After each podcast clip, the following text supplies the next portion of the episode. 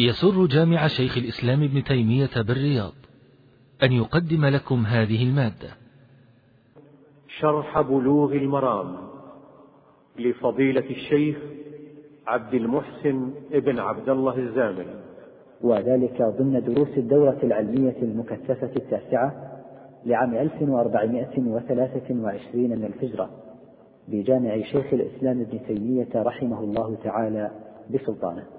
نسأل الله تعالى أن ينفع بها المسلمين. والآن مع الشريط الثاني. الحمد لله رب العالمين والصلاة والسلام على نبينا محمد وعلى آله وأصحابه وأتباعه بإحسان إلى يوم الدين. أما بعد فيقول الإمام الحافظ ابن حجر رحمه الله تعالى وعنه يعني عن عبد الله بن عمر رضي الله عنهما أن رسول الله صلى الله عليه وسلم نهى عن بيع الولاء وهبته. هذا الخبر متفق عليه عند البخاري ومسلم إذا قيل متفق عليه فهو عند البخاري ومسلم. وكذلك إذا قيل أخرجاه أو أخرجه الشيخان أو لهما وما أشبه ذلك من العبارة التي جرى الاصطلاح عليها عند أهل هذا الفن في المصطلح أنه يراد بها الشيخان البخاري ومسلم رحمة الله عليهما. نهى عن بيع الولاء وهبته. الولاء هو عصوبة كما يقول العلماء سببها نعمة المعتق على عتيقه بالعتق أو على رقيقه بالعتق. عصوبة سببها نعمة نعمة المعتق على رقيقه بالعتق. فإذا كان للإنسان مملوك مملوك من رجل أو امرأة أو ذكر يعني ذكر أو أنثى أو كان المعتق ذكرا أو أنثى يعني لا فرق بين أن يكون المولى من أعلى ذكر أو أنثى وكذلك المولى من أسفل ذكر أو أنثى. إذا كان له مملوك فاعتقه فإنه يكون الولاء له بمعنى أنه يكون هو أولى الناس بميراثه إذا لم يخلف وارثا إذا لم يخلف وارثا. ويحوز جميع ماله. ف والمعتق أو الولاء شبهه النبي عليه الصلاة والسلام بالنسب كما في الحديث الآخر عند ابن حبان والحاكم قال الولاء لحمة كلحمة النسب. وثبت عنه في الصحيحين أنه عليه الصلاة والسلام أنه لعن من انتسب إلى غير أبيه أو تولى غير مواليه. فهو شبيه بالنسب وليس نسبا إنما هو ملحق به لأنه لأن المعتق كان له نعمة على المعتق وهو رقيقه الذي اعتقه وكان سببا في خروجه من الرق إلى الحرية. ولا شك أن الحرية أكمل من الرق وللحر أحكام كثيرة يخالف فيها الرقيق فهو أشبه فهو أشبه بالنسب من جهة أنه أخرجه من ذل من ذل العبودية والرق له إلى الحرية فصار حرا يتصرف في نفسه كما يتصرف الأحرار. مثل ما أن الوالد كان سببا أو الوالدين كان سببا في إخراج الولد من العدم إلى الوجود كان سببا في ذلك. فهذه نعمة عظيمة في تسببهما في إخراجه من إلى الوجود. كذلك أيضا في مسألة الرقيق المعتق مع رقيقه كان سببا في إخراجه من من الرق والعبودية وكان حرا كاملا يتصرف ثم بعد ذلك صار حرا كاملا يتصرف كما يتصرف الأحرار فأشبه النسب من هذا الوجه فكان من الواجب أن لا يتنكر لهذه النعمة وأن يعرف حق هذه النعمة وأن لا يتولى غير مواليه مطلقا ولا يجوز له ذلك سواء أذنوا أم لم يأذنوا. وهذا هو الصواب الموافق للأحاديث. وقول جماهير أهل العلم روي عن بعض أهل العلم أنه أجازوا أن يتولى المولى من أسفل يعني العتيق الذي أعتق أن يتولى غير مواليه أو جاز أجازوا للسيد أن يبيع أن يتنازل أو يجعل ولاء مولاه لغيره وروي عن ميمونة أنها جعلت مولى سليمان ولاء سليمان بن يسار بن عباس ومن فعل ذلك فيحمل على أن أنه لم تبلغه السنة بذلك. نهى عن بيع الولاء وهبته فلا يجوز بيعه وكذلك لا يجوز هبته لأنه آه، كما سبق كالنسب كالنسب كما أن النسب لا يباع وكما أن النسب لا يتنازل عنه والإنسان لا يجوز مثلا ينتسب لغير أبيه ولا ينتسب إلى غير أهله ولا ينتسب إلى غير آه، جماعته الذين ينتسب إليهم وقبيلة الذين الذين ينتسب إليهم. لا يجوز له أن ينتسب إلى غيرهم. كذلك أيضا في مسألة الولاء لا يتولى غير مواليه. وقد كانوا في الجاهلية ربما كانوا يبيعون الولاء أو يجعلون أو يتنازلون عن الولاء يتنازل الشخص عن ولاء لغيره. فجاء الإسلام بالتنصيص على هذه الأشياء وتحريمها وتجريمها وبيان أنه لا يجوز ذلك مثل ما جاء في أنواع من البيوع التي كانوا يتعاملون بها. نهى عن بيع الولاء وهبته وكذلك أيضا هبته لا تجوز.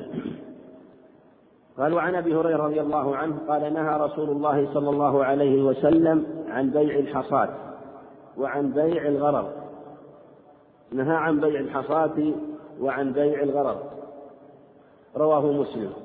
الحديث عند مسلم كما ذكر المصنف رحمه الله وفيه النهي عن بيع الحصاد ثم قال ونهى عن بيع الغرر فهو عموم بعد الخصوص لأن بيع الحصاة من بيع الغرر فنص على بيع الحصاد ثم جاء بكلمة عامة شاملة جاء بل جامعة تشمل هذا البيع وغيره. وهو لماذا خص هذا بالذكر؟ لأنه احتاج إلى ذلك عليه الصلاة والسلام. فاحتاج إلى أن ينص عليه عليه الصلاة والسلام لأنه كان موجودا معروفا في الجاهلية أنهم كانوا يتبايعون أمثال هذه البيوع بيع الحصاة وبيع الحبلة وحبل الحبلة وكذلك الملامسة والمنابذة كما يأتي. فنص عليها لأنها كانت موجودة معلوم عندهم يتعاملون بها. ثم جاء بكلمة عام. والحصاة اختلف في تفسيرها.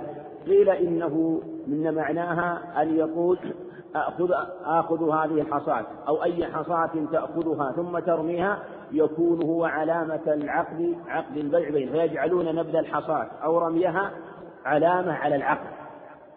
علامة على العقد. ولا شك أن هذا نوع من المخاطرة نوع من المخاطرة. وكذلك أيضا وقيل إن معناه أن يأخذ حصاة فيرمي بها فيقول أي موضع بلغت هذه آه، الحصاة فإنه آه، يكون فأبيعك إياه من الأرض مثلا.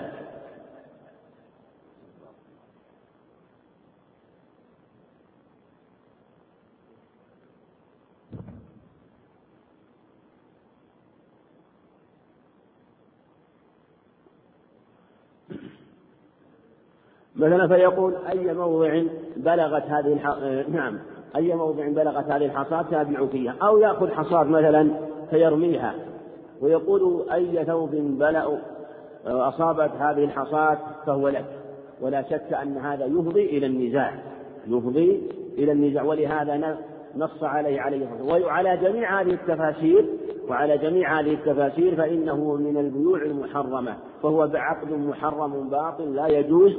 ولهذا جاء بعد ذلك بكلمة عامة عليه الصلاة والسلام قال ونهى عن بيع الغرض. ولأن هذا في الحقيقة يفضي إلى النزاع والبيع لا بد فيه من التراضي من شروطه التراضي. من شروطه التراضي. ولا وفي الغالب أن هذا يحصل فيه النزاع. كما قال سبحانه يا أيها الذين لا تأكلوا أموالكم بينكم بالباطل إلا أن تكون تجارة عن تراض منكم. وقال عليه الصلاة والسلام في حديث أبي سعيد الخدري عند ابن حبان وغيره إنما البيع عن تراض. وفي لفظ عند الماج وغيره لا يتفرقن عن بيع أو لا يتفرقن إلا عن تراضي. يعني أنه لا بد من التراضي. فهو شرط من شروط البيع. وهذا في الغالب ينافي التراضي. ثم لا بد من في البيع من العلم. والعلم يتبعه لا بد من العلم لأنه يتحصل به الرضا. فما لم يعلم فإنه لا يتأتى فيه الرضا لا يتأتى فيه الرضا. ولهذا كان الصحيح في مسألة البيع أنه يحصل بكل صيغة دلت على البيع. كل كل إثبات فهو إيجاب وكل كل قبول مهما كانت صيغته ومهما كانت صفته أو كل إيجاب يعني كل إثبات فهو إيجاب وكل التزام فهو قبول. كل إثبات للبيع فهو إيجاب له وكل التزام من جهة المشتري فهو قبول. ولا يشترط على الصحيح صيغة معينة وهو ما ذكروا في الصيغ وهو أنهم خصوا الإيجاب وجعلوا للبيع صيغتين الإيجاب والقبول والمعاطاة. صيغة قولية وصيغة فعلية. وأن الصيغة القولية بأن تكون بألفاظ مخصوصة بأن يقول بعتك ويقول اشتريت أو نحو هذه العبارات التي آه، ذكروها والصحيح أنه لا يشترط شيء من هذا بل كل ما دل على إثبات البيع من البائع والتزامه من المشتري فإنه يكون بيعا لأن المقصود هو التراضي. وما حصل به التراضي فإنه يكفي. وسواء كان صيغة قولية أم صيغة فعلية. وذلك أن البيع الأصل فيه أنه من العقود الجائزة المباحة التي تجوز بأي, بأي شيء. وكذلك لأنهم كانوا يتبايعون أنواع من البياعات و ولم يأتي نص منه عليه الصلاة والسلام بأمرهم بصيغة معينة. وكذلك لأن الناس تختلف يختلف أمرهم في البيع والشراء فلكل قوم عادة ولكل قوم صيغة. وكذلك لأن الأمور نوعان أمور عبادية تشريعية لا لا تجوز إلا بدليل وأمور من أبواب العادات والمباحات فالأصل فيها عدم الحظر إلا بدليل. فعلى هذا كل ما دل على البيع فإنه يكون صيغة فإنه يكون إيجابه هو عقد البيع والتزامه كذلك قبول له.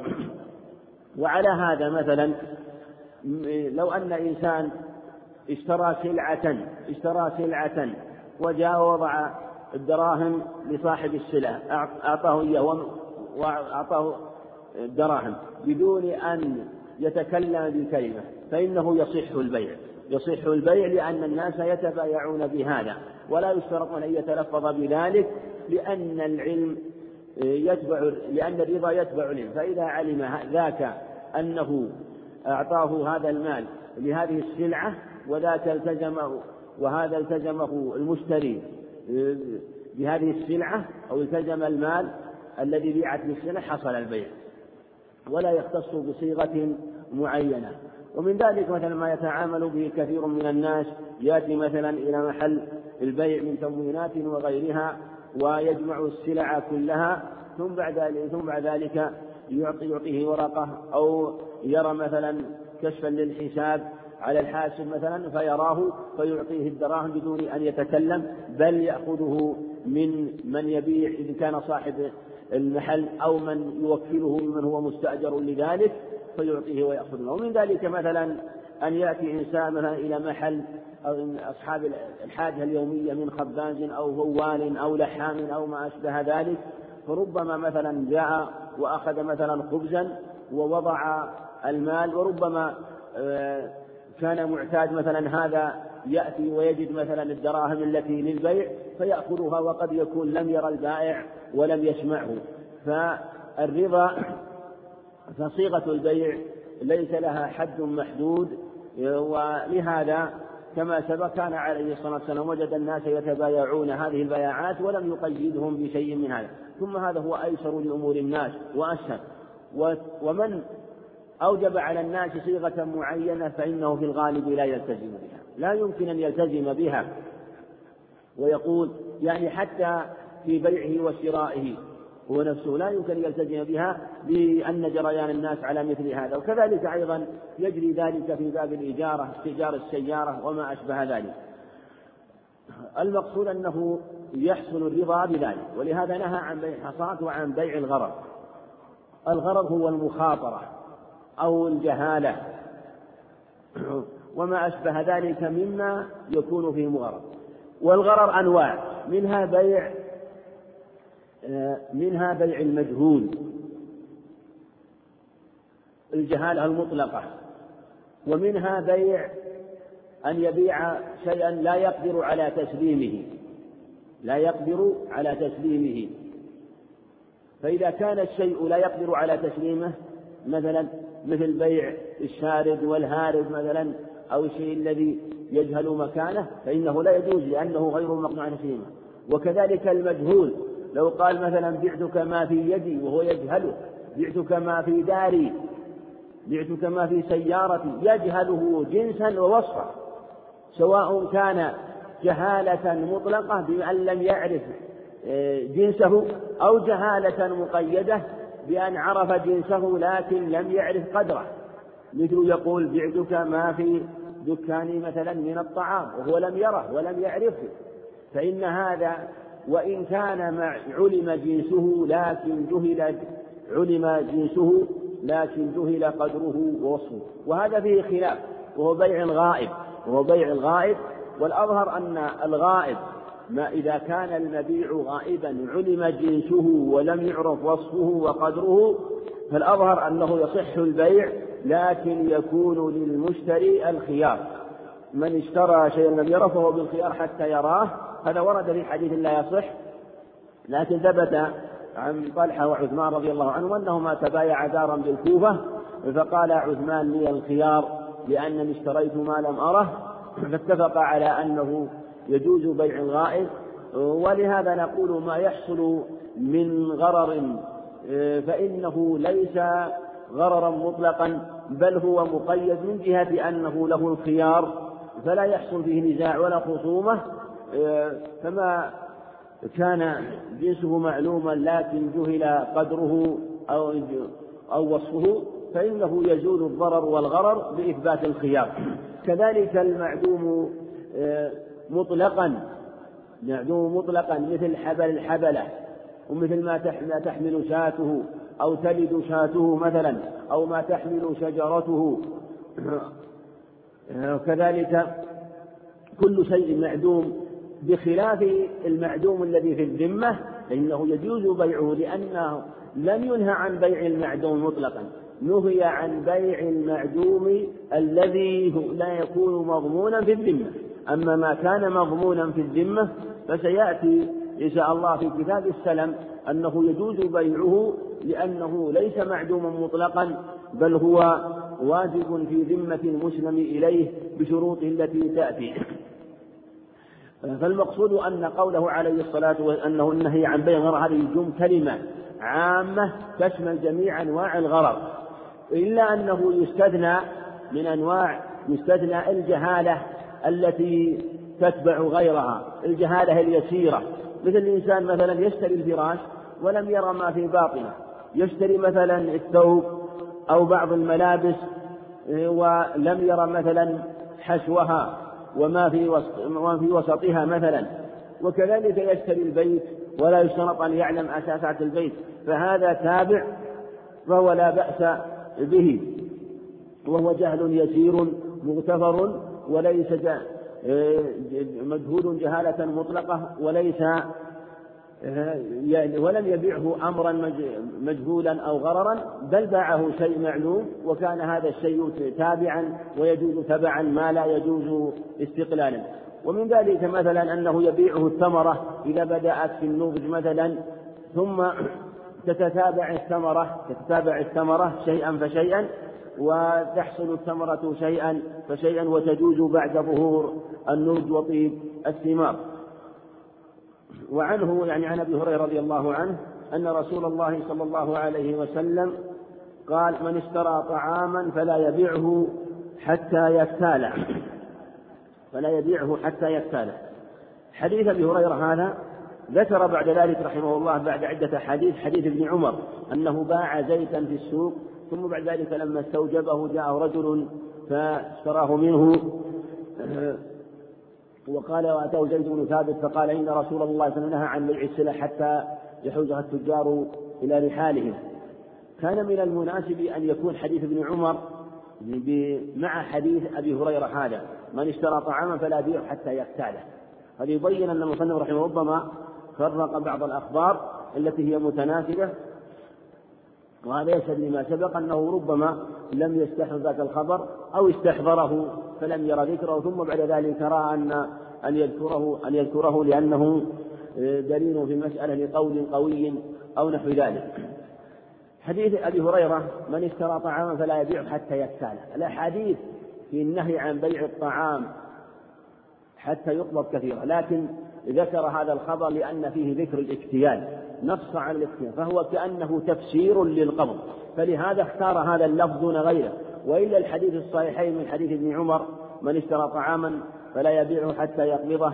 وكذلك من حديث ابن عباس الصحيحين كذلك من حديث جابر في صحيح مسلم في النهي عن بيع الطعام حتى يقبض والأحاديث هذا كثيرة وهي متواترة أو كالمتواترة.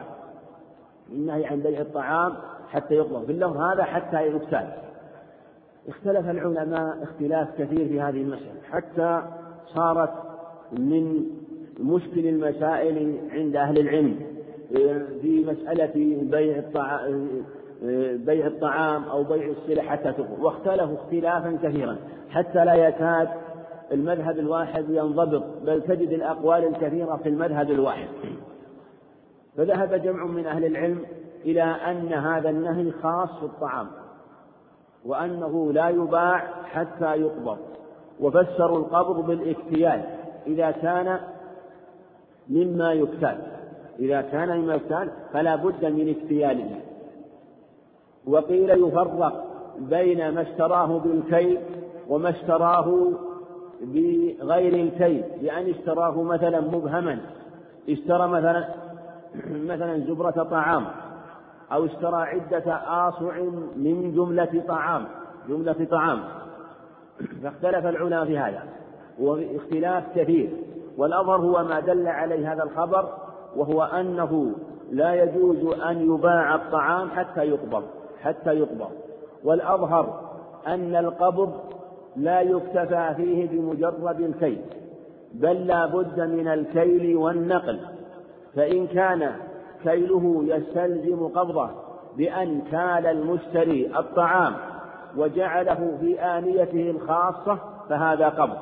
وإن كان البائع كاله له مثلا أو هو كال في محل البائع فلا يكتفى بالقبض لأن هذا اللفظ حتى يكتاله جاءت الألفاظ الأخرى من حديث ابن عمر أنه عليه الصلاة والسلام نهى عن بيع الطعام أو نهى عن بيع الطعام حتى يحوزه التجار إلى رحالهم.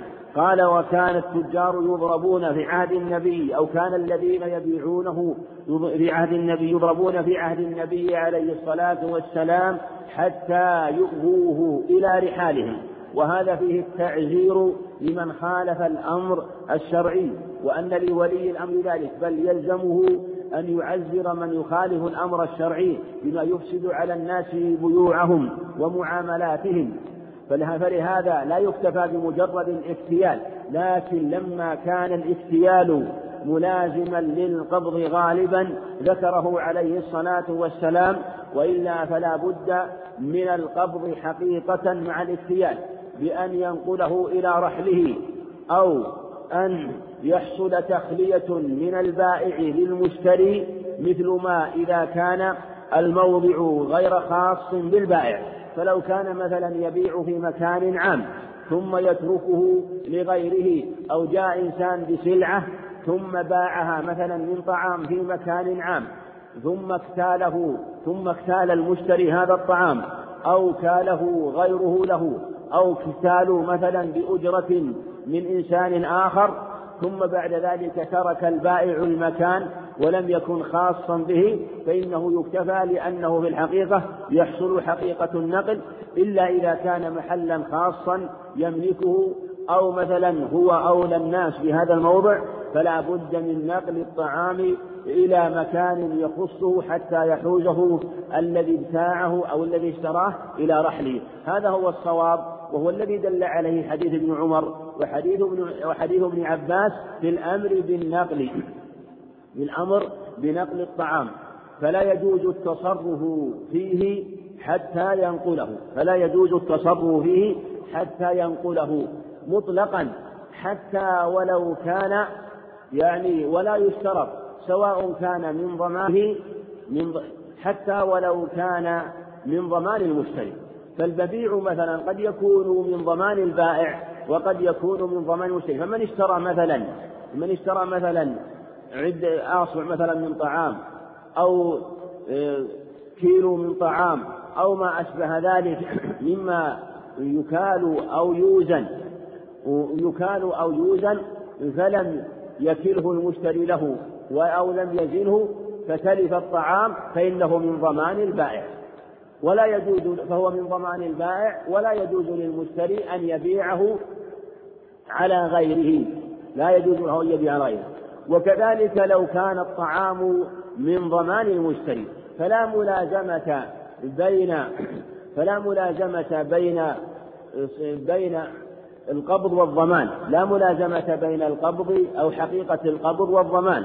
فلو كان إنسان مثلا اشترى صبرة طعام كوم الطعام مثلا كوم الطعام أو كومة مثلا خضرة من حبحب أو طماط أو ما أشبه ذلك مما يصبر ويكون مثلا.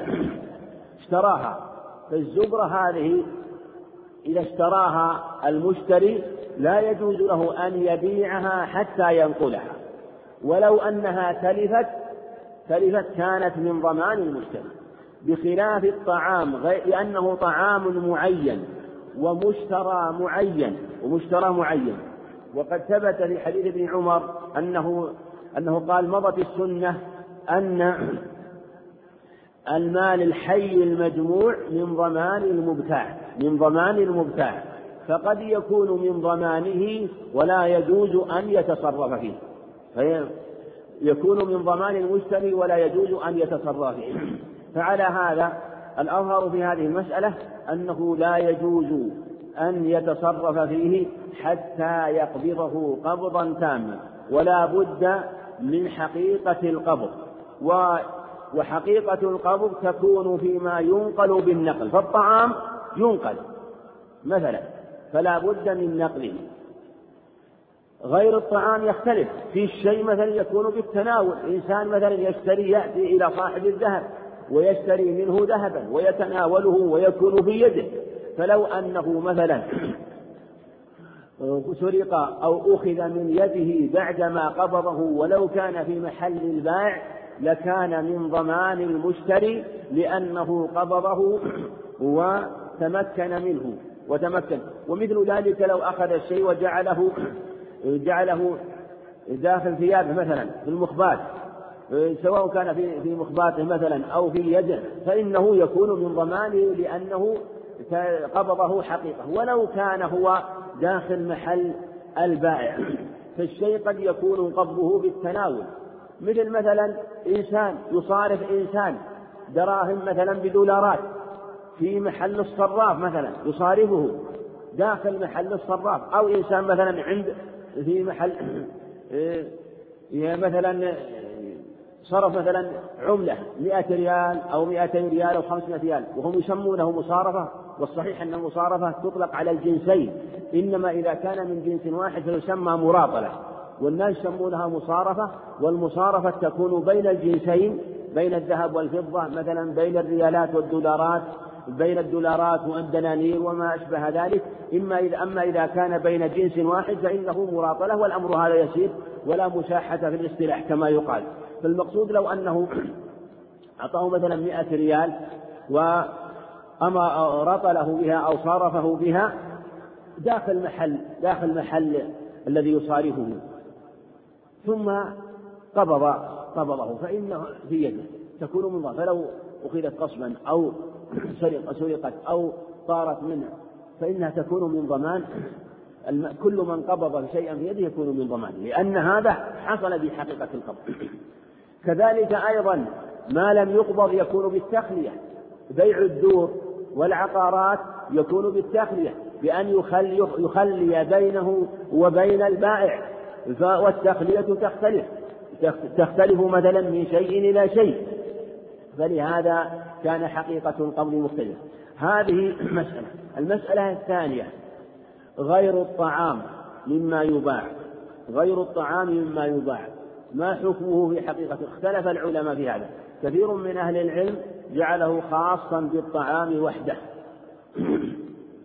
وأنه هو الذي لا يجوز بيعه حتى يقبض. وأجازوا سواه. بأنه بأن غير المكيل والموزون يجوز بيعه يجوز بيعه بمجرد العقد. وقيل يلحق بالمعدود بالموزون بالمكيل والموزون المعدود والمذروع والأظهر والمسألة فيها خلاف كبير. والأظهر أن جميع السلع لا بد من قبضها لأمور. أولا لأنه في حديث في حديث هذه الحديث حديث ابن عمر وابن عباس وجابر وأبي هريرة رضي الله عنهم وحديث أخرى في هذا الباب كلها نهت عن بيع الطعام حتى يقبض.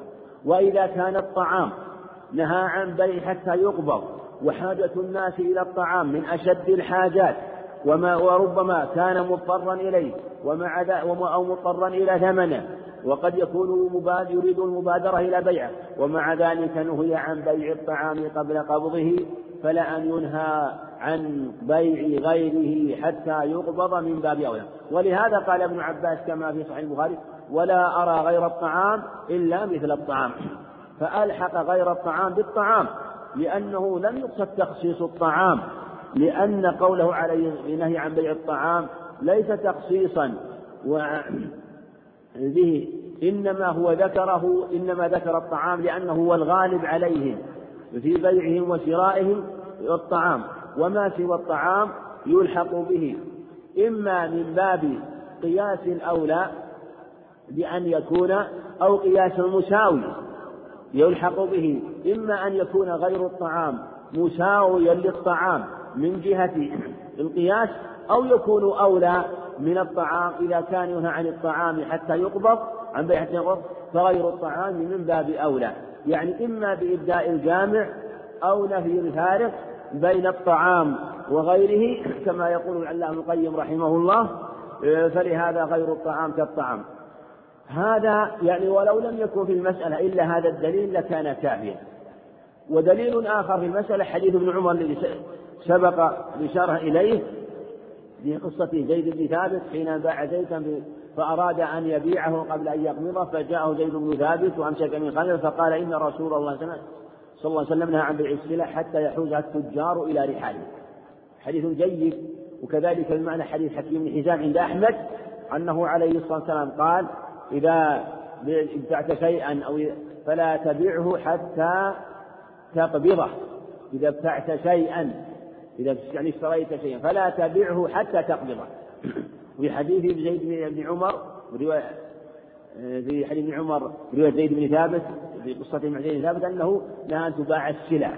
فقوله السلع في حديث ابن عمر الذي روى عن زيد وكذلك حديث حديث حكيم بن حزام وفيه آه، أنه إذا ابتعت شيئا عام في جميع السلع. فعلى هذا يكون الصواب قول من قال إنه لا يجوز أن يبيع شيئا حتى يقبضه. وهذا هو قول الشافعي. والجمهور يخالفونه في ذلك. يخالفونه في ذلك على خلاف كثير في هذه المسألة. وهذا القول هو اختيار ابن علام القيم رحمه الله ورجحه بهذه الأدلة وما جاء في معناها وأنه لا يباع الطعام ولا غيره من جميع السلع حتى تقبض. اختلف العلماء في العلة. ما هي العلة في النهي عن بيع الطعام؟ ذهب الجمهور إلى أن العلة خشية الغرض وقيل العلة خشية الربا وقيل العلة لأن نفس البائع لم تزل متعلقة بالمبيع. فمثلا ابن عباس رضي الله عنهما لما قيل له مسألة الطعام أن الإنسان ربما اشترى طعاما وباعه قبل أن يقبض قيل له بذلك قال ألم ترى أنهم يبيعون الطعام؟ الدراهم بالدراهم والطعام مرجع مؤخر يعني. مثلا إنسان يأتي ويشتري يشتري مثلا طعام أو يشتري مثلا مواد غذائية أو يشتري خضار أو فواكه في في في في, في موضع في في مكان بيعها. 100 ريال مثلا. وهي في مكانها عند عند المحل المختص بالبيع. ثم يأتي إنسان ويقول اشتريتها منك بمئة وعشرين. فهو دفع فهو, فهو مثلا دفع مئة ريال للبائع الأول والسلعة عنده في محله. ثم جاء إنسان وأربحه عشرين ريال والسلعة في مكانها. وهو في الحقيقة كأشبه الربا كأنه دفع مئة ريال وأخذ مئة وعشرين ولهذا قال ابن عباس ألم ترى أنهم يبيعون الدراهم بالدراهم والطعام مرجع مؤخر. هذا ما حصل حقيقة القبض. ولم يأخذ الطعام. ولهذا ربما كان وسيلة ربا ولهذا تجد هذه البيوع منتشرة بين الناس. منتشرة بين الناس خاصة في المواضع التي يكون فيها الحراج في طعام أو غيره بأن يباع الشيء مرار عديدة وهذا لم يقبض وهذا لم يقبض. فلهذا كان الواجب هو أن يقبض حقيقة أن يقبض إلا إذا كان كما سبق الموضع ليس خاصا بالبيع بل هذا يبيع. مثل إنسان يبيع مثلا يحرج على الطعام يحرج مثلا على الخضار على فاكهة على حبحب أو على طماط مثلا. ثم بعدما باعه في هذا الموضع استلم دراهم من البائع وذهب وهذا قبضها حقيقة وكأنه استلمها بل استلمها حقيقة وحازها حقيقة ثم جاء وباعها لغيره. فهو في الحقيقة يعتبر قبض فلهذا العلة على هذا كما قال ابن عباس الربا أو خشية الربا. وقيل إن العلة وهي علة ثانية في الحقيقة والعلل لا تنافي بينها وأهل العلم ربما ذكروا أكثر من علة.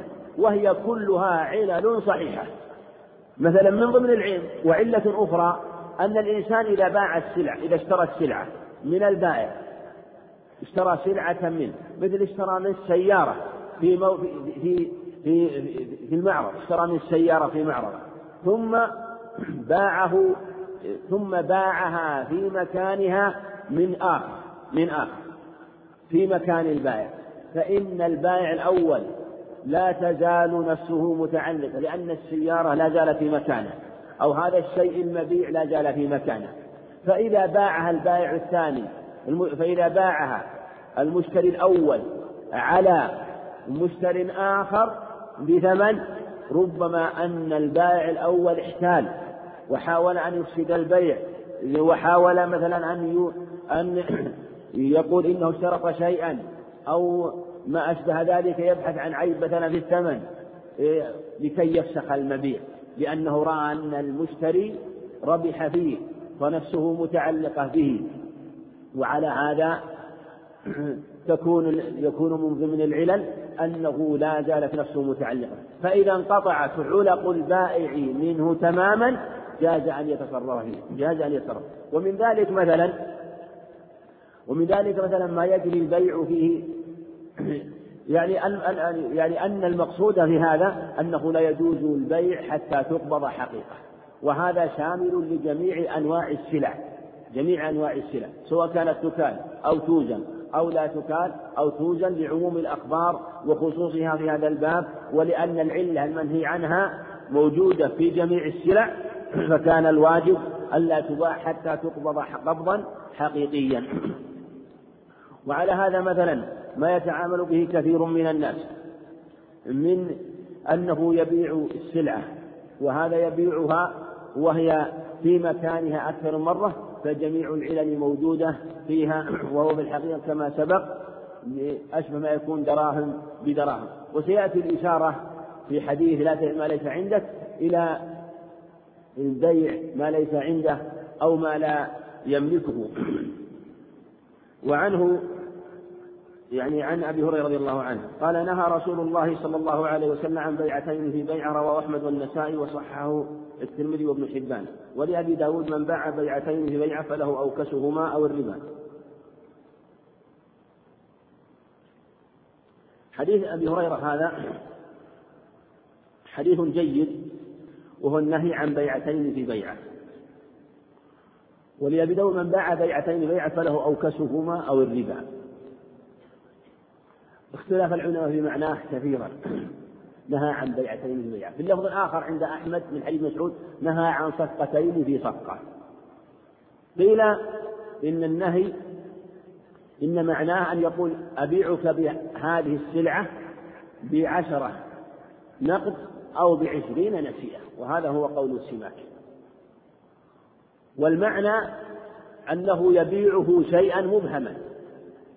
وهذا لا يصح. مثل يقول بعتك مثلا هذا بعشرة حاضر أو بعشرين نسية ثم يتفرقون بلا جزم للبيع ويكون هذا عقدا بينهم. هذا لا يصح لأنهما صفقتان وبيعتان لا يدرى على أيهما قطع البيع.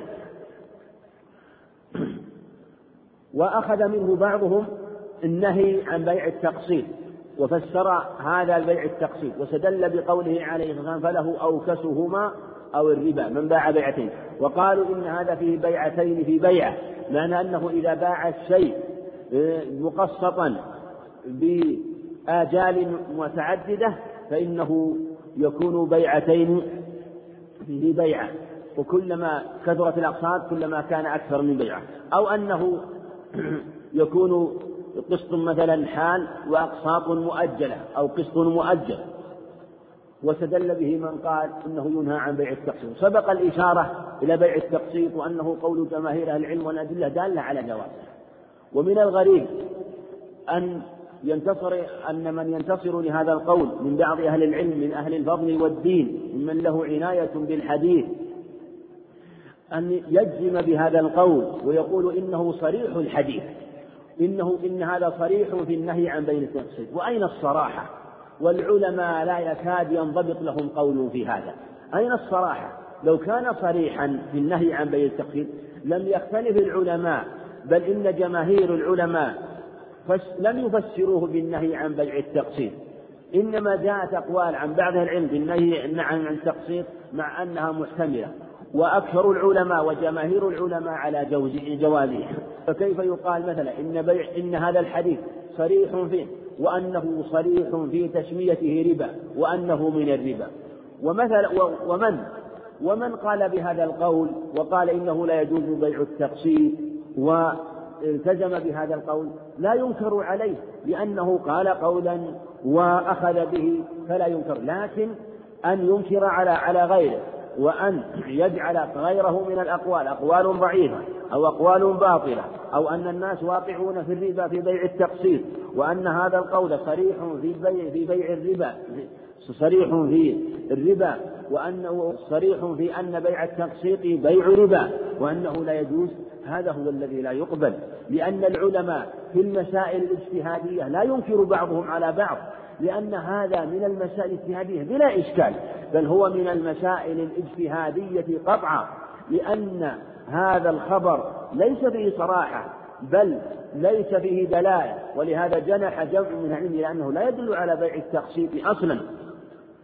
وقالوا إنه مفسر بالأخبار الأخرى وبيع التقسيط سبق ذكر جوازه وأنه لا بأس به. و وأيضا مما يدل عليه مما يدل عليه أنه عليه الصلاة والسلام حديث عند أبي داود وغيره كان يبيع البعير بالبعيرين يبيع البعير بالبعيرين إلى إبل الصدقة يعني يحتاج إلى إلى إبل وأن من يركب عليها للجهاد فلا يكون عنده شيء فيشتري البعير بالبعيرين وهذا بيع مقسط مؤجل فيه زيادة الثمن فإنه اشترى بعيرا وببعيرين إلى أجل.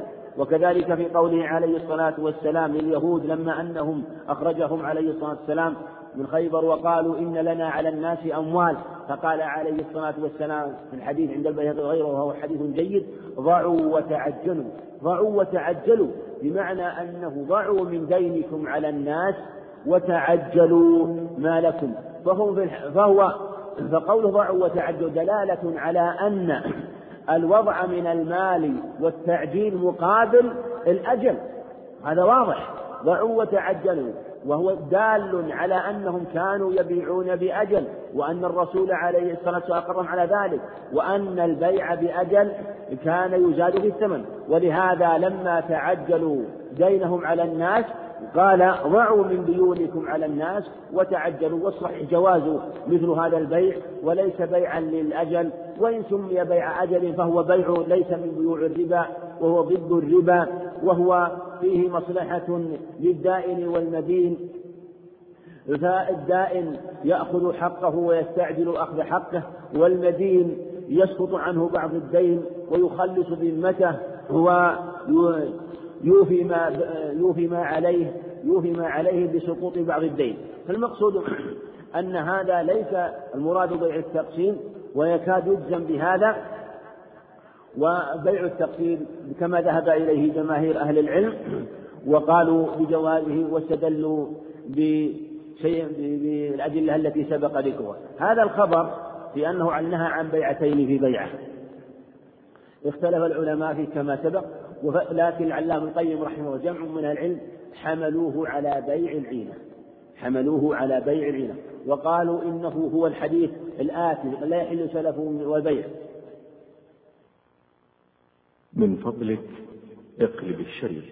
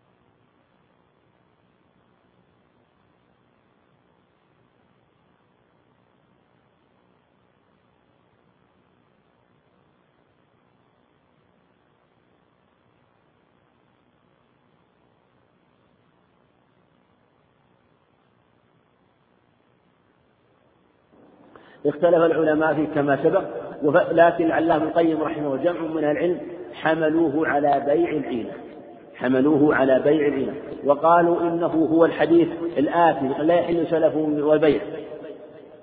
ولا بيع ما لا عندك ولا ربح ما لم يضمن ولا شرطان في بيع. وقالوا إنه وفي معنى الشرطين في بيع إنه في معنى وأنه عليه الصلاة والسلام في هذه الأخبار نهى عن بيوع من بيوع الربا نهى عن بيوع من الربا.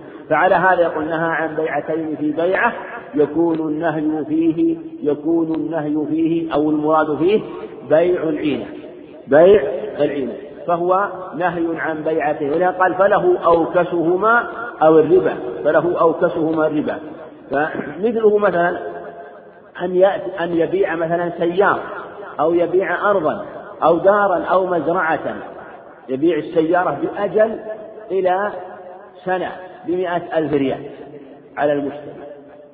ثم المشتري يردها على البائع بثمانين ألف ريال. بثمانين ألف ريال. فهو في الحقيقة بيعتان. بيعة بمئة وبيعة بثمانين. وهو في الحقيقة بيع ربا. لأن السيارة هذه مجرد صورة. ولم ولم يقصد البائع بيعها ولم يقصد المشتري شراءها. ولهذا ربما احتالوا عليه بأي شيء مما يباع لأن المقصود أن تباع دراهم بدراهم وأن تثبت في ذمة المشتري هذه الدراهم إلى أجل وأنه يستعجل هذه الدراهم. فهو بيع العينة ومعنى أنه أنه أقرضه الدراهم هذه أو باعه الدراهم مشروطة مئة ثمانين ألف ريال بمئة ألف ريال. ولهذا قال عليه من باع بيعتين في بيعة.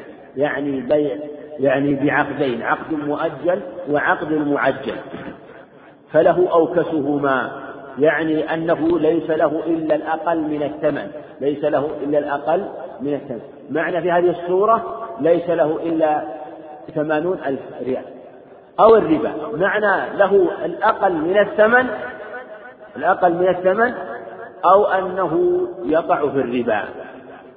بمعنى أنه إذا ثبت في ذمة المشتري مئة ألف ريال فإنه يكون البائع واقعا في الربا. وإلا فلا يأخذ منه إلا الثمن القليل ولا يكون فيبطل العقد على هذه الحال يبطل العقد. وتكون قرضا حسنا. تكون من باب القرض الحسن فالمقصود أنه لا يجوز في البيعتين في بيع على هذه الصفة وهو من بيع العينة وهو قول جماهير العلم وهو الذي فسره به العلامة القيم رحمه الله وهو الذي قال إنه موافق للخبر الآخر في حديث عبد الله بن عمرو. قال وعن عمرو بن شعيب عن أبيه عن جده رضي الله عنه رضي الله عنه عنه, عنه رضي الله عنهما قال يقال عن عنه وعنهما يعني عن الجميع. وإن كان الصحابي هو عبد الله بن عمرو ولا بأس من الترضي عن غير الصحابة رضي الله عنهم. أنه عليه الصلاة والسلام قال حل لا يحل سلف وبيع ولا شرطان في بيع ولا ربح ما لم يضمن ولا بيع ما ليس عندك رواه الخمسة وصححه الترمذي وابن خزيمة والحاكم وأخرجه في علوم الحديث من رواية ابن حنيفة عن عمرو المذكور بلفظ نهى عن بيع وشرط من هذا الوجه أخرجه الطبراني في الأوسط وهو غريب.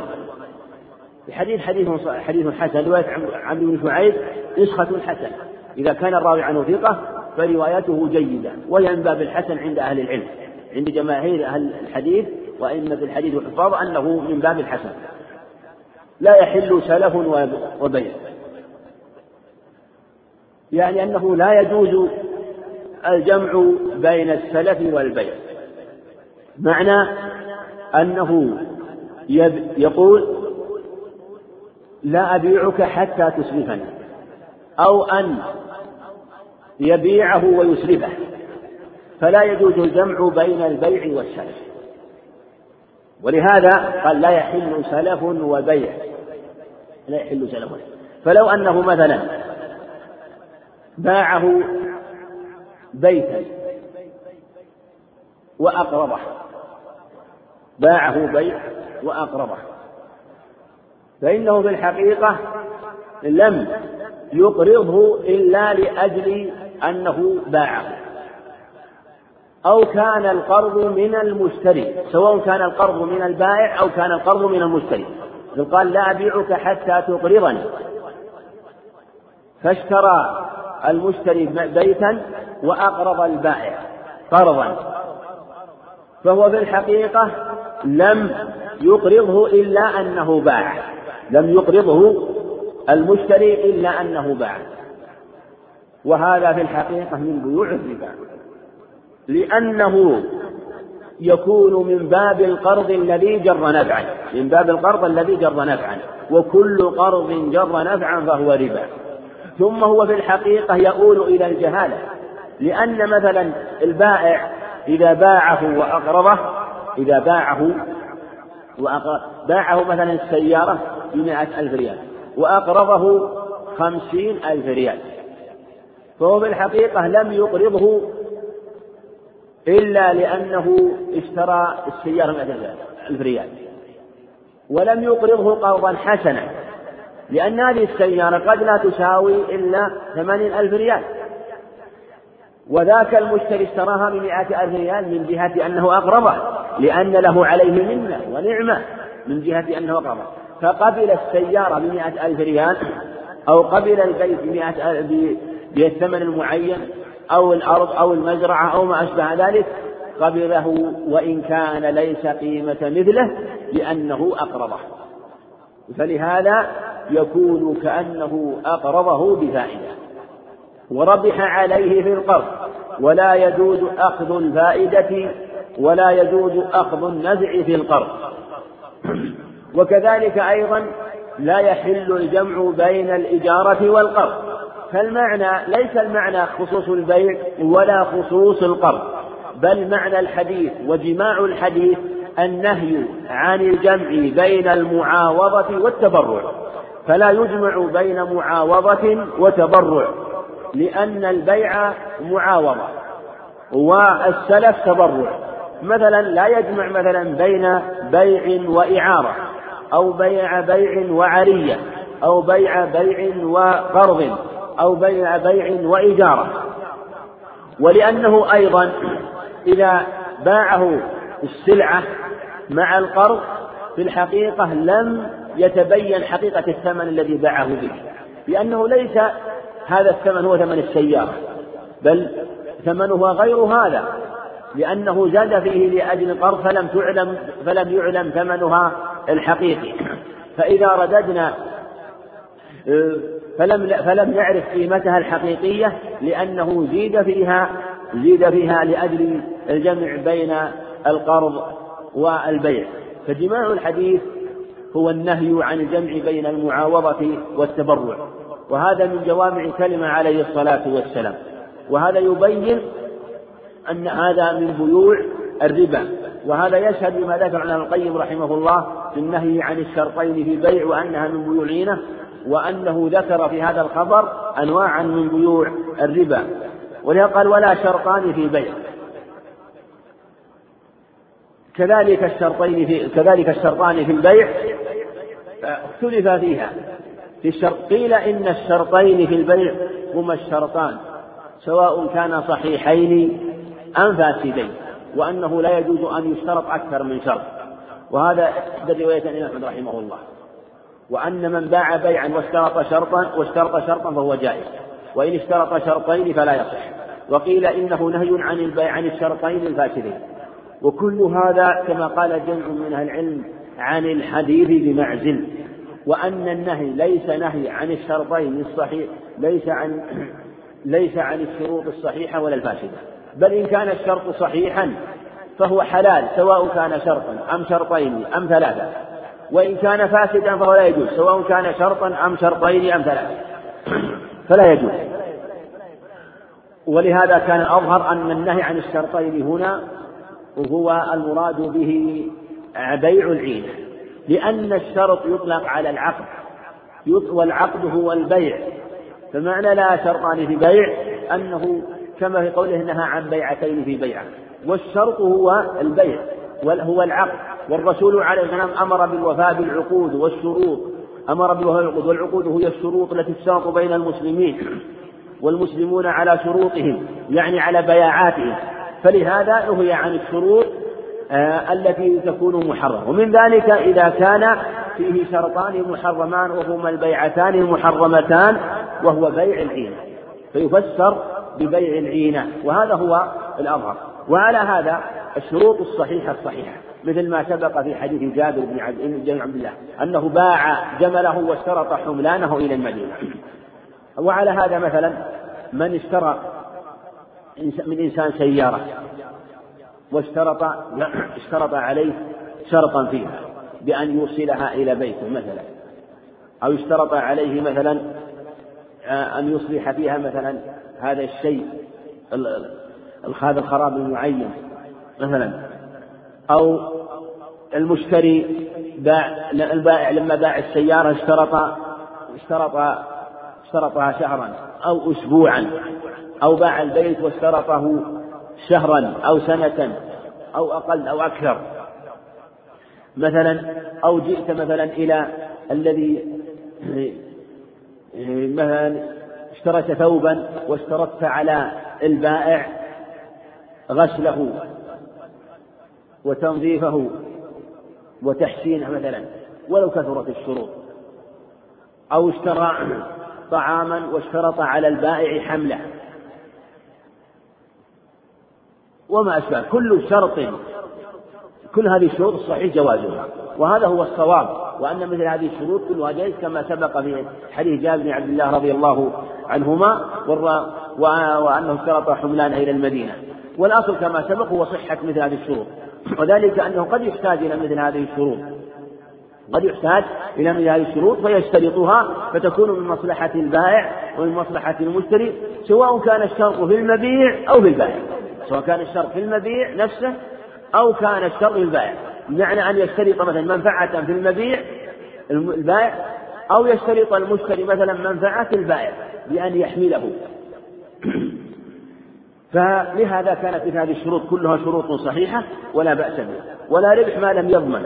كذلك أيضا ربح ما لم يضمن. لا لا يصح. فلو أنه باع اشترى شيئا اشترى شيئا وليس داخلا في ضمانه. فالرسول عليه الصلاة والسلام نهى عن ربح ما لم يضمن. كل ما لم يكن داخلا في الضمان فإنه لا يجوز بيعه. ما يجوز بيعه. فما كان مثلا من ضمان البائع فإنه نهى عن ربحه. ربح ما لم يضمن. ولهذا نهى عن بيع الطعام حتى يقبض. نهى عن بيع الطعام حتى يقبض.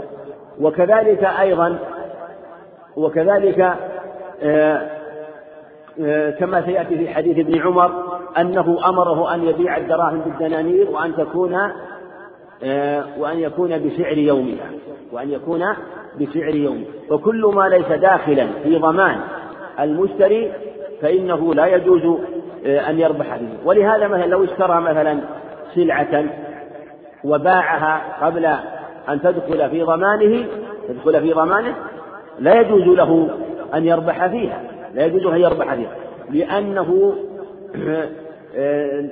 لأنه حينما باعها وهي في ضمان غيره وربح فيها يكون فيه نوع من الظلم من جهة أنها الضمان على غيره الضمان على غيره. وأشكل على ذلك أشكل على ذلك بيع الثمار في رؤوس النخل.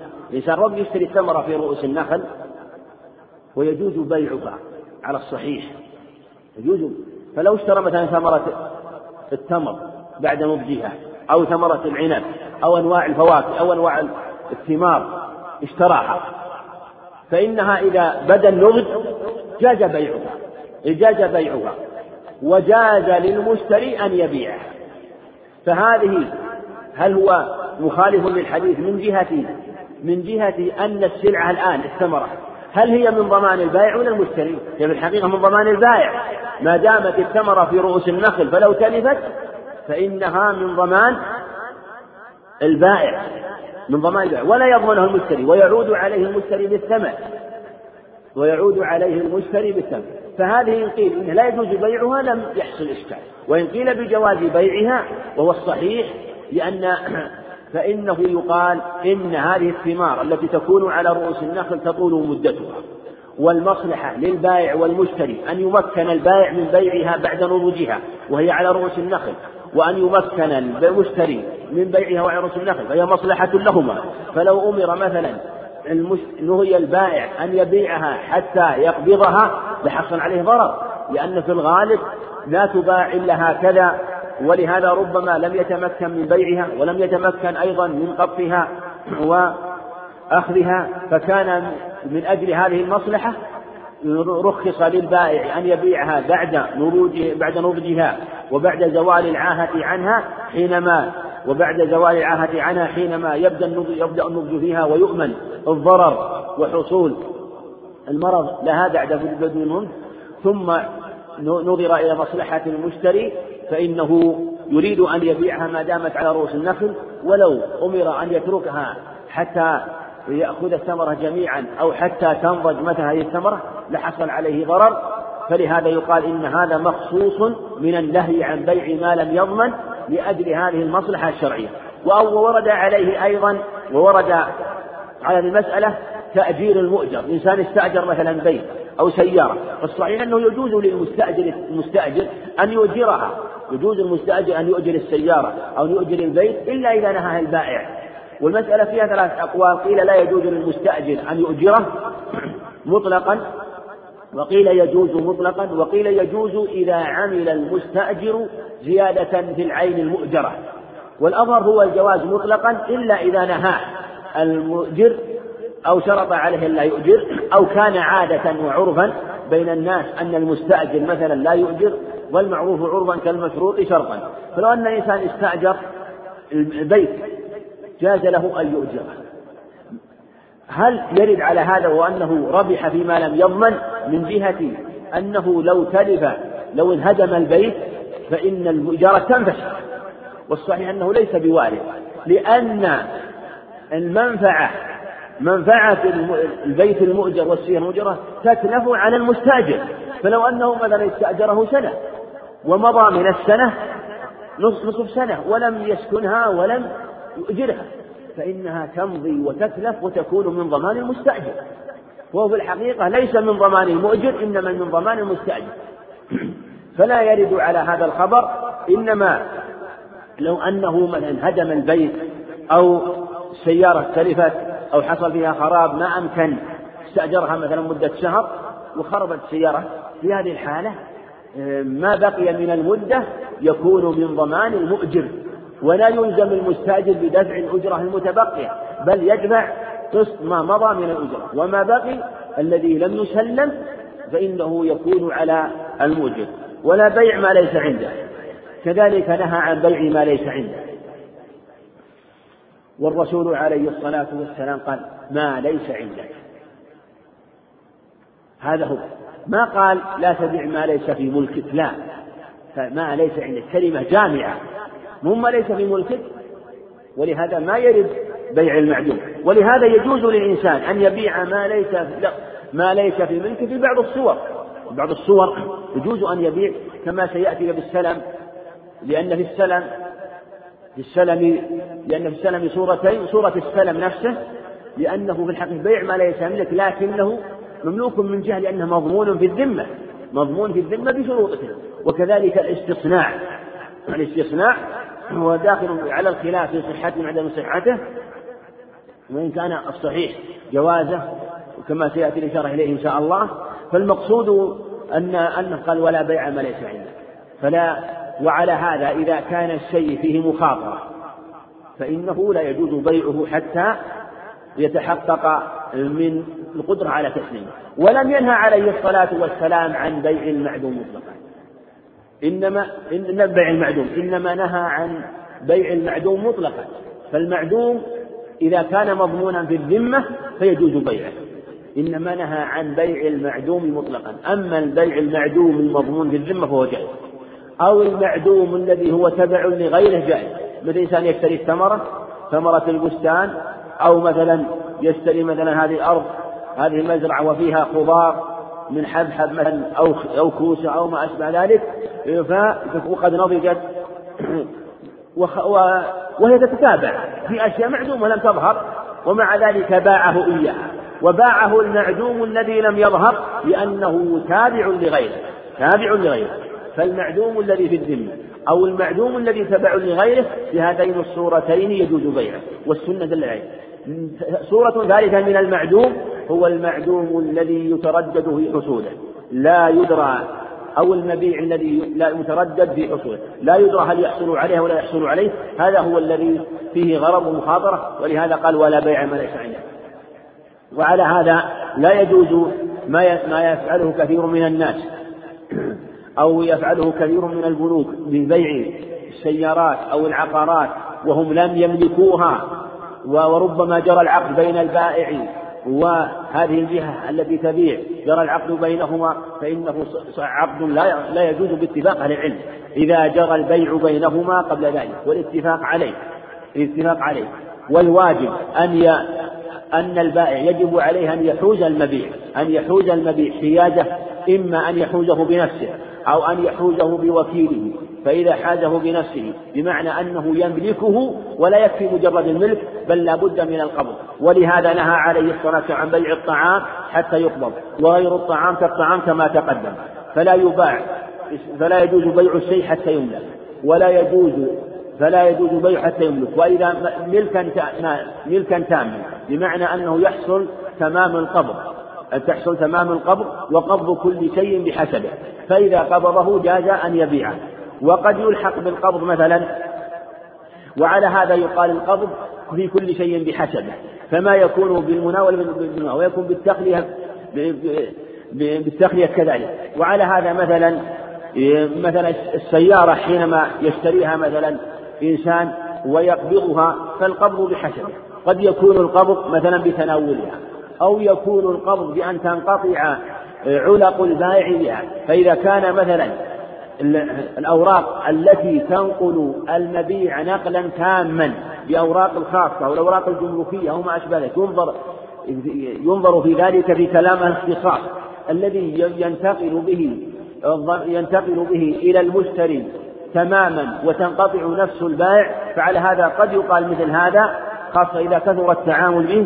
جاز لأنه في الحقيقة قبض قبض حقيقي وبه ينتفي صورة الربا وبه تنقطع نفس البائع عنه. فعلى هذا الأصل أنه لا لا يبيع ما, لا ما ليس عنده. فلا من شروط البيع أن يكون مملوكا كما تقدم. وهذا دليل لما سبق أنه من شروط البيع أن يكون مملوكا. وكذلك أيضا فهو إذا إذا ملكه جاز أن يبيعه. ومن شرطه أن يتحقق قبضه له. أما الحديث نهى عن بيع وشرطه الحديث لا يصح. وقد عزاه المصنف إلى الطبراني وفيه في الأوسط والحديث لا أصل له. وفيه حكاية أن رجلا جاء وسأل أبا حنيفة عن عن باع بيعا واشترط شرطا فقال أبو حنيفة لا يصح البيع ولا الشرط. نهى عن عن عن, عن البيع والشرط واستدل بأنه عليه الصلاة والسلام قال ما بال قوم يشترطون شروطا ليست في كتاب الله وأنه عليه الصلاة والسلام أبطل ذلك. وجاء إلى ابن أبي جاء إلى ابن أبي ابن أبي ليلى وبشبربة وابن أبي ليلى أجاز البيع والشرط واستدل بحديث جابر أنه باعه واشترط عليه الصلاة والسلام أنه باعه واشترط. وابن شبرمة استدل أيضا بأنه يجوز البيع ولا يجوز الشرط. وأبو حنيفة وأبو حنيفة وأبو حنيفة استدل بأنه نهى عن أبو حنيفة استدل بأنه نهى عن البيع والشرط والصواب أن هذا الحديث لا يصح وأن الشرط وأن الأحاديث دلت على جواز الشرط. إنما النهي هو عن الشرط الفاسد. سواء كان شرطا أم شرطا وإذا نهي عن الشرط الفاسد فالشروط الفاسدة من باب أولى. وعنه يعني عن عمرو بن عن عبد عن عبد الله بن عمرو رضي الله عنه. قال نهى رسول الله صلى الله عليه وسلم عن بيع العربان. رواه مالك. قال بلغني عن عمرو بن شعيب. الحديث نهى عن بيع العربان يقال عربان وأربان وعربون وأربون وأربون كلها لغات فيه وهذا الحديث جاء موصول عند ابن ماجه من رواية عبد الله بن عامر الأسلمي ولا يصح. والحديث لا يثبت النهي عن بيع العربان ولا يثبت. ودل وجاء من في حديث قصة نافع بن عبد الحارث أنه اشترى السجن من صفوان بن أمية لعمر بن الخطاب رضي الله عنه اشتراه بأربعة آلاف درهم ودفع له ثمن إن رضي عمر. وإن رضي عمر فإن يعني بذلك. وإلا وإلا فما أعطاه فهو له. فإلا يعني أعطاه شيئا من المال وقال إن رضي عمر وإلا فما أعطيته فهو له. والعربون معناه من التعريف أو من الإعراب وهو التحسين فكأن البائع حسن البيع وأحكمه بأن اشترط بأن اشترط له شيء مقدم آه، يأخذه آه، فإن تم البيع كمل الثمن ما تم البيع يكون ما قدمه للبائع. والجمهور على تحريمه وأنه لا يجوز. وذهب الإمام أحمد رحمه الله إلى جوازه واستدل بقصة عمر رضي الله عنه وأن الخبر هذا لا يصح. وأن الأصل هو صحة العقود والشروط في بيع العربون. وصفته كما سبق أن يأتي إنسان ويقول هذه ألف ريال. أنا بعني هذه السيارة بمئة ألف ريال. مئة ألف ريال. وهذه ألف ريال. إن ناسبتني السيارة أنا بع أعطيك ألف ريال. اتفق على مئة ريال. لكن اشترط المشتري أنه ينظر. فإن ناسبت السيارة كمل الباقي؟ إما ناسبته ولم تصلح له فإن مئة الألف ريال هذه لك تذهب عليه. فهذا هو هذا هو العربون هو السلع المال الذي يقدم بعد عقد البيع ويكون البائع اشترط على المشتري. وهو بالحقيقة نوع من الخيار في جانب نوع من الخيار لكنه خيار خاص للبائع فهو خيار خاص للبائع. وهو, وهو من جانب. خيار خاص من جانب المشتري خيار من جانب المشتري أما من جانب البائع فلا خيار له ولازم له. والأظهر هو صحته. لأنه مثل ما سبق كما جاء عن عمر رضي الله عنه ولأن الأصل صحة العقود والشروط ولأن هذا في مصلحة للمتبايعين جميعا ولأن الإنسان قد يريد قد يشتري الشيء يريد أن مثلا يحضر شيء يباع من بيت أو سيارة فيريد أن يشتريها لحاجته إليها. لكن لا يدري هل تناسبه أو لا تناسبه فيريد أن يشاور يريد أن يستخير يريد أن يسأل. وليس عنده في الإمكان صاحب السيارة يبيع عليه ولا على غيره. فرأى من المصلحة قال أنا سوف أدفع لك مثلا مئة, ألف مئة ريال أو ألف ريال بشتري السلعة. لكن بشرط أن أقدم لك. ألف ريال من السلعة. فإن ناسب ويحجز هذه السلعة. فإن ناسبتني هذه السلعة دفعت لك الباقي. إن لم تناسبني فهي لك. وهو مصلحة للبائع من جهة أنه أخذ المال في مقابل حجز هذه السلعة هذه المدة ومنع المشترين منها ومنع عرضها وربما بيعت بهذا الثمن أو أكثر من هذا الثمن. ومصلحة للمشتري لأنه يراود نفسه ويستخير ويستشير وينظر ويتأمل. وما كان في مصلحة للبائع والمشتري في الشارع لا يأتي بتحريمه. هذا هو الأمر لكن ينبغي لكن من نهى عنه قال إن هذا خيار مطلق غير محدد. إذا دفع على ألف ريال مثلا قال أنا أبنظر. إن ناسبتني السلعة وإلا فالألف ريال لك. قد يأخذ يوم أو يومين أو ثلاثة أو أكثر تطول المدة فيتضرر البائع مثلا. تطول المدة فيكون خيار غير منقطع. الأجل فعلى هذا يكون في ضرر ويكون في جهالة. فربما حصل النزاع فيأتي البائع فيقول إما أن تشتري وإما أن أن تترك المبلغ لي.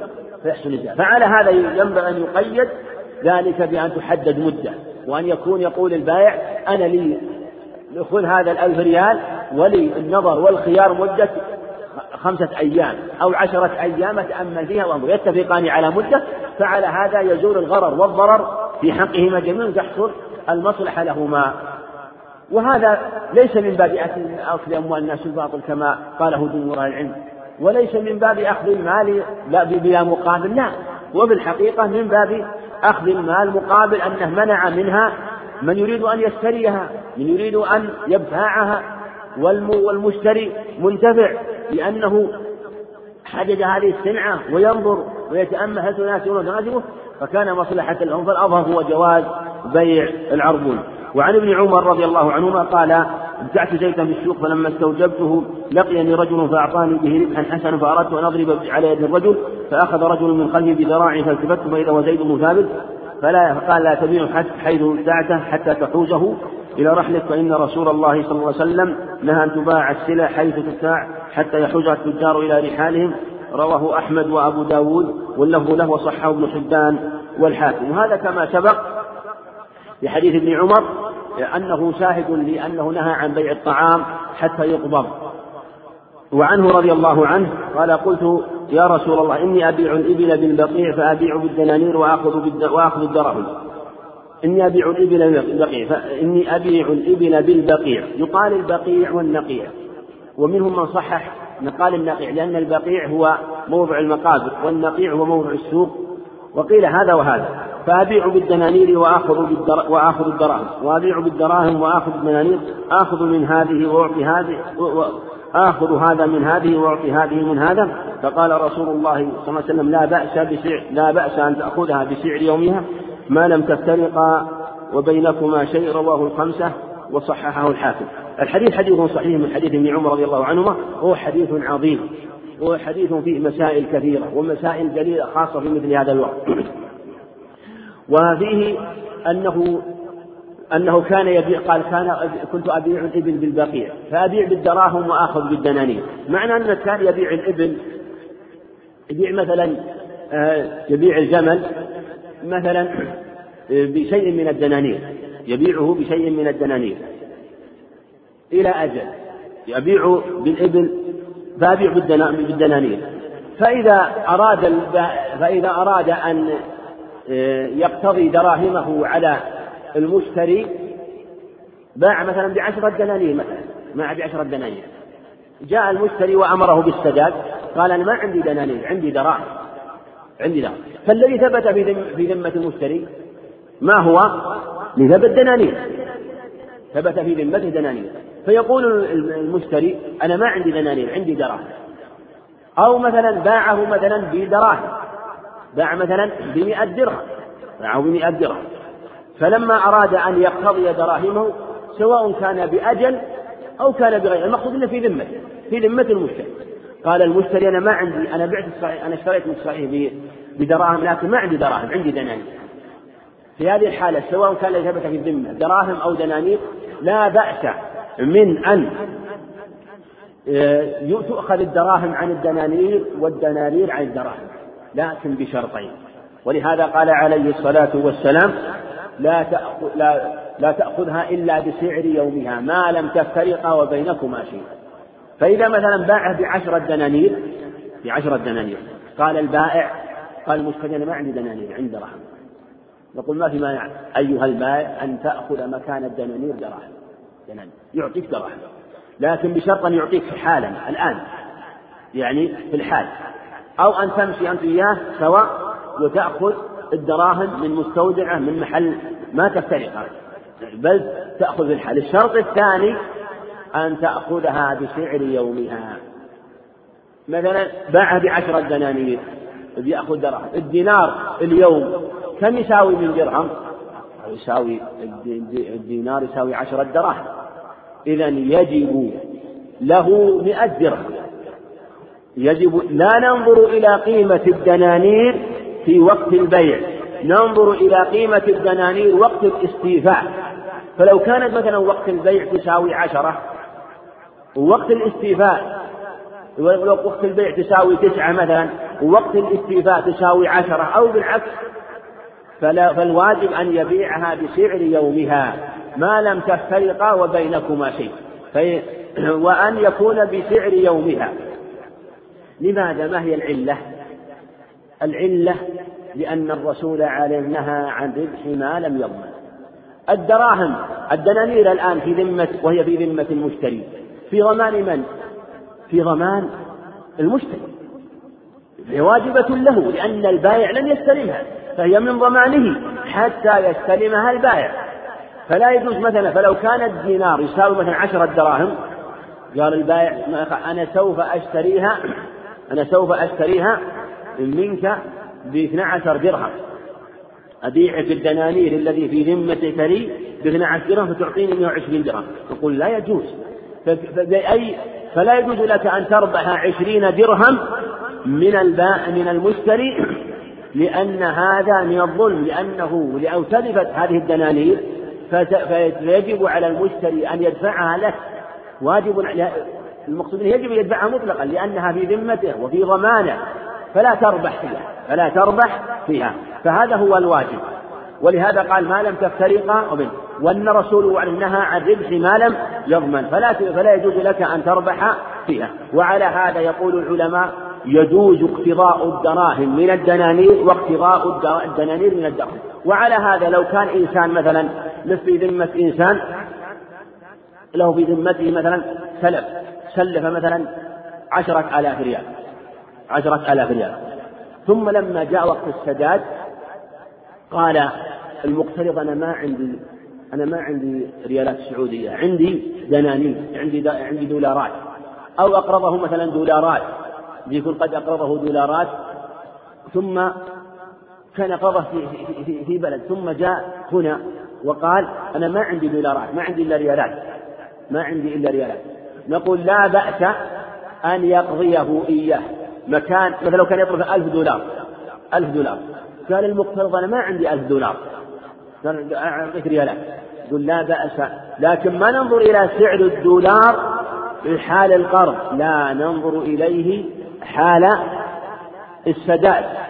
فيجوز أن يقضيه مكان الدولارات ريالات سعودية. ريالات سعودية بثمنها في ذلك اليوم. فلو كان مثلا الدولار سوى أربع ريالات لا ربع فيقضي. ولو كان مثلا ربما زاد مثلا شيء يسير مثلا ما يسمونه السنت زاد شيئا أو نقص شيئا يسيرا لا يؤثر. النقص المضطرب النقص المضطرب والشيء اليسير هذا لا يؤثر. إنما ينظر بالسعر الأغلب والسعر الدارج الذي يكون غالبا على البيع والشراء. فيجوز أن يقتضي الدراهم من الدنانير ويجوز أن يقتضي الريالات من من الدولارات والريالات من الدولارات. معنى أن يقتضي كما قال العلماء بعين وذمة يسمون اقتضاء بعين وذمة. معنى عين وذمة؟ معنى أن صاحب الريالات مثلا صاحب القرض صاحب القرض اقتضى مكان قرضه العملة الثانية أو اقترض أخذ مكان الذهب فضة. هذا هو العين. وذمة الذي في ذمة الذي وجب له في ذمة. اقتضاء بعين وذمة. ومن ذلك أيضا من من صور هذه المسألة جواز المقاصة جواز المقاصة بين الدينين. لو كان لإنسان على إنسان مثلا عشرة آلاف ريال يطلب عشرة آلاف وهو له سلف يطلب عشرة آلاف ريال سلف. والمقترض يطلب المقرض عشرة آلاف ريال آه، ثمن مبيع. حل أجل الجميع حل أجل الجميع. كل منهما للآخر عشرة آلاف. هذا له عشرة آلاف مقابل قرض وهذا عشرة آلاف مقابل دين. دين. قال فهل يجوز المقاصة؟ بينهما يسميها العلماء المقاصة. المقاصة هي اقتضاء الدين من الدين مع اتفاق الجنس مع اتفاق الجنس. هذا هو المقاصة. والصحيح أنها جائزة بمعنى أن يقاس ولو لم يكن شيء من الدينين حاضرا. أما الصورة الأولى وهو اقتضاء بعين وذمة فهي جائزة عند جماهير العلم بل هذا الحديث نص فيها وهو اقتضاء بعين وذمة. الصورة الثانية صورة المقاصة وهي بين الدينين المتساويين جنسا المتساويين جنسا. بمعنى أنه في الحقيقة أن يشتري ما في ذمته بما في ذمته. فذهب كثير من العلم لأنه لا يجوز. قالوا لأنه نوع هذا مصارفة والأصل في المصارفة ما, ما هو؟ الأصل في المصارفة الرسول هاء وهاء والرسول قال لا يباع غائب بناجس. لا يباع غائب بناجس. وقال هاء وهاء وهذا هو الأصل في المصارفة أنه لا يجوز أن تصارف بشيء إلا مع حضور الثمنين. هذا هو الأصل. لكن جاء الشرع بجواز مثل هذه الصور إلى ذلك حديث ابن عمر. لكن فرق بين المصارفة التي المصارفة التي تكون الثمن فيها حاضر بأنه يجوز مع اختلاف الجنس التفاضل. يعني يجوز التفاضل ولو بغير سعر اليوم. مثلا يجوز يبيع مثلا دولارات بريالات سعودية. مثلا لو كان الدولار يساوي أربع ريالات إلا أربع يجوز يبيع مثلا بأربع ريالات وخمس ريالات. ولهذا قال عليه الصلاة والسلام فإذا اختلفت الأصناف فبيعوا كيف شئتم. يعني لا يشترط أن يكون بنفس اليوم. لكن إذا كان بعين وذمة أو بذمتين فتجوز المصارفة لكن لا يجوز أن يربح. لا يجوز أن يربح بل يجب أن يكون بسعر يومها. إذا على هذا إذا كانت المصارفة بمالين حاضرين مالين حاضرين كانت مصارفة حقيقية أو مراطلة إذا كان إذا كانت مصارفة فإنه يجوز أن يكون بغير سعر اليوم مع اختلاف أما إذا كان بيع عين بذمة أو ذمة بذمة في صورة المقاصة كما سبق وهو مع اختلاف مع اتفاق الجنس يجوز المقاصة بين الدينين. يجوز المقاصة بين الدينين فهذا هو الصواب. ويجوز أيضا صورة ثانية وهو التطارح تطارح الدينين. تطارح الدينين. التطارح ما هو يسميه الفقهاء تطارح الدين؟ تطارح هو أن يباع ما في الذمة بما في الذمة مع اختلاف الجنس بيع ما في الذمة بما في الذمة مع اختلاف. مثل إنسان يكون على إنسان مثلا ألف دولار. ولإنسان عليه من عشرة آلاف ريال سعودي. هذه قرض وهذه مثلا بيع دين أو هذه قرض وهذه قرض. هذه يطلب قرض وهذه يطلب قرض. فإنه إذا لو أنه قال اقضي ما في ذمتي بما في ذمتي. أنت تطلبني العشرة أنت تطلب مثلا آه، مثلا آلاف ريال ونص. وأنا أطلب ألف دولار. ألف دولار. فنظر فنظرنا في هذا السعر فنظرنا في أو مثلا أو مثلا يطلبه مثلا يطلبه مثلا مع ثلاثة آلاف ونصف مع ألف دولار ونظرنا إليهما بسعر يومهما. في هذه لا بأس أن يطرح الألف ريال من الألف دولار مقابل ثلاثة آلاف ونصف بسعر يومها ولو مع اختلاف الجنس. وهو من باب تطارح الدينين وقد دل عليه حديث ابن عمر هذا لكن كما سبق بشرط أن يكون بسعر يومها.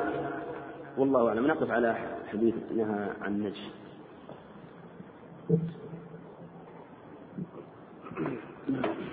أحسن الله إليكم. هذا سائل يقول آه، في موسم الصيف يكون حراج التمور وبيع الناس في مكان الحراج.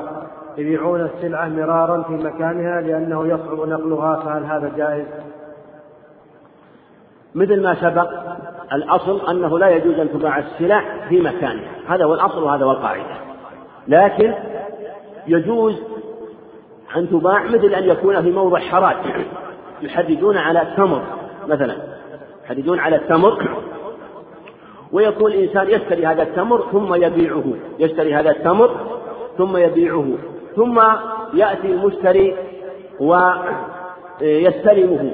وذاك تنقطع لقه ولا يكون المكان خاص بالبائع فهذه الصورة لا بأس. ومن ذلك أيضا أن يبيعه في رؤوس النخل. بعد موته بهذه الصورة يجوز. أما إذا كان لا يبيع في مكان الخاص بالبائع فلا يجوز بل لا بد أن ينقله. نعم. أحسن الله إليكم. وهذا يقول كثر في الآونة الأخيرة البيع بالتصريف بأن ينزل عندي بضاعة فأحاسبه على ما يباع منها فهل هذا جائز؟ هذا نعم هذا هذه الصورة ذهب جمهور العلماء ذهب جمهور العلماء إلى أن البيع بالتصريف لا يجوز. يقول يسميه البيع يقول العلماء من وإن شرط إن نفق المبيع وإلا رده أنه لا يصح. وهذا قول جماهير أهل العلم. لا لا يجوز أن يشترط في المبيع أن يكون على النفاق. فإذا اشترط أنه النفق لرد والقول, والقول الآخر آه أنه يجوز. وهذا أظهر لأن هذا فيه مصلحة للمتبايعين جميعا.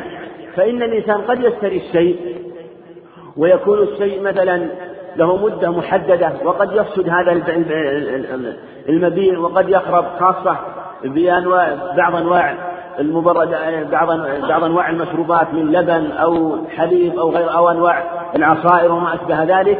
هذه أشياء جرى العرف على أنه يشتريها المشتري ثم ما بقي فإنه يرده عليه. فهو بالحقيقة فهو بالحقيقة نوع من الخيار أو نوع من الاشتراط في حق المشتري دون البائع.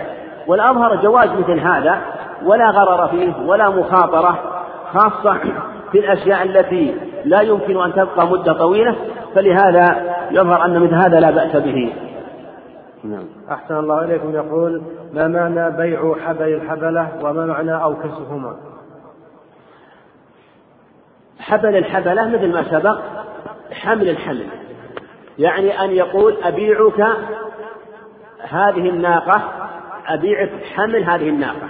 حمل هذه الناقة سواء كانت حامل أو ليست حامل. أو أبيعك ولد ولدها. يقول مثلا هذه الناقة حامل. يقول إذا ولدت هذه الناقة وأتت بأنثى فحبلت فحبلت أبيعك ولد الولد.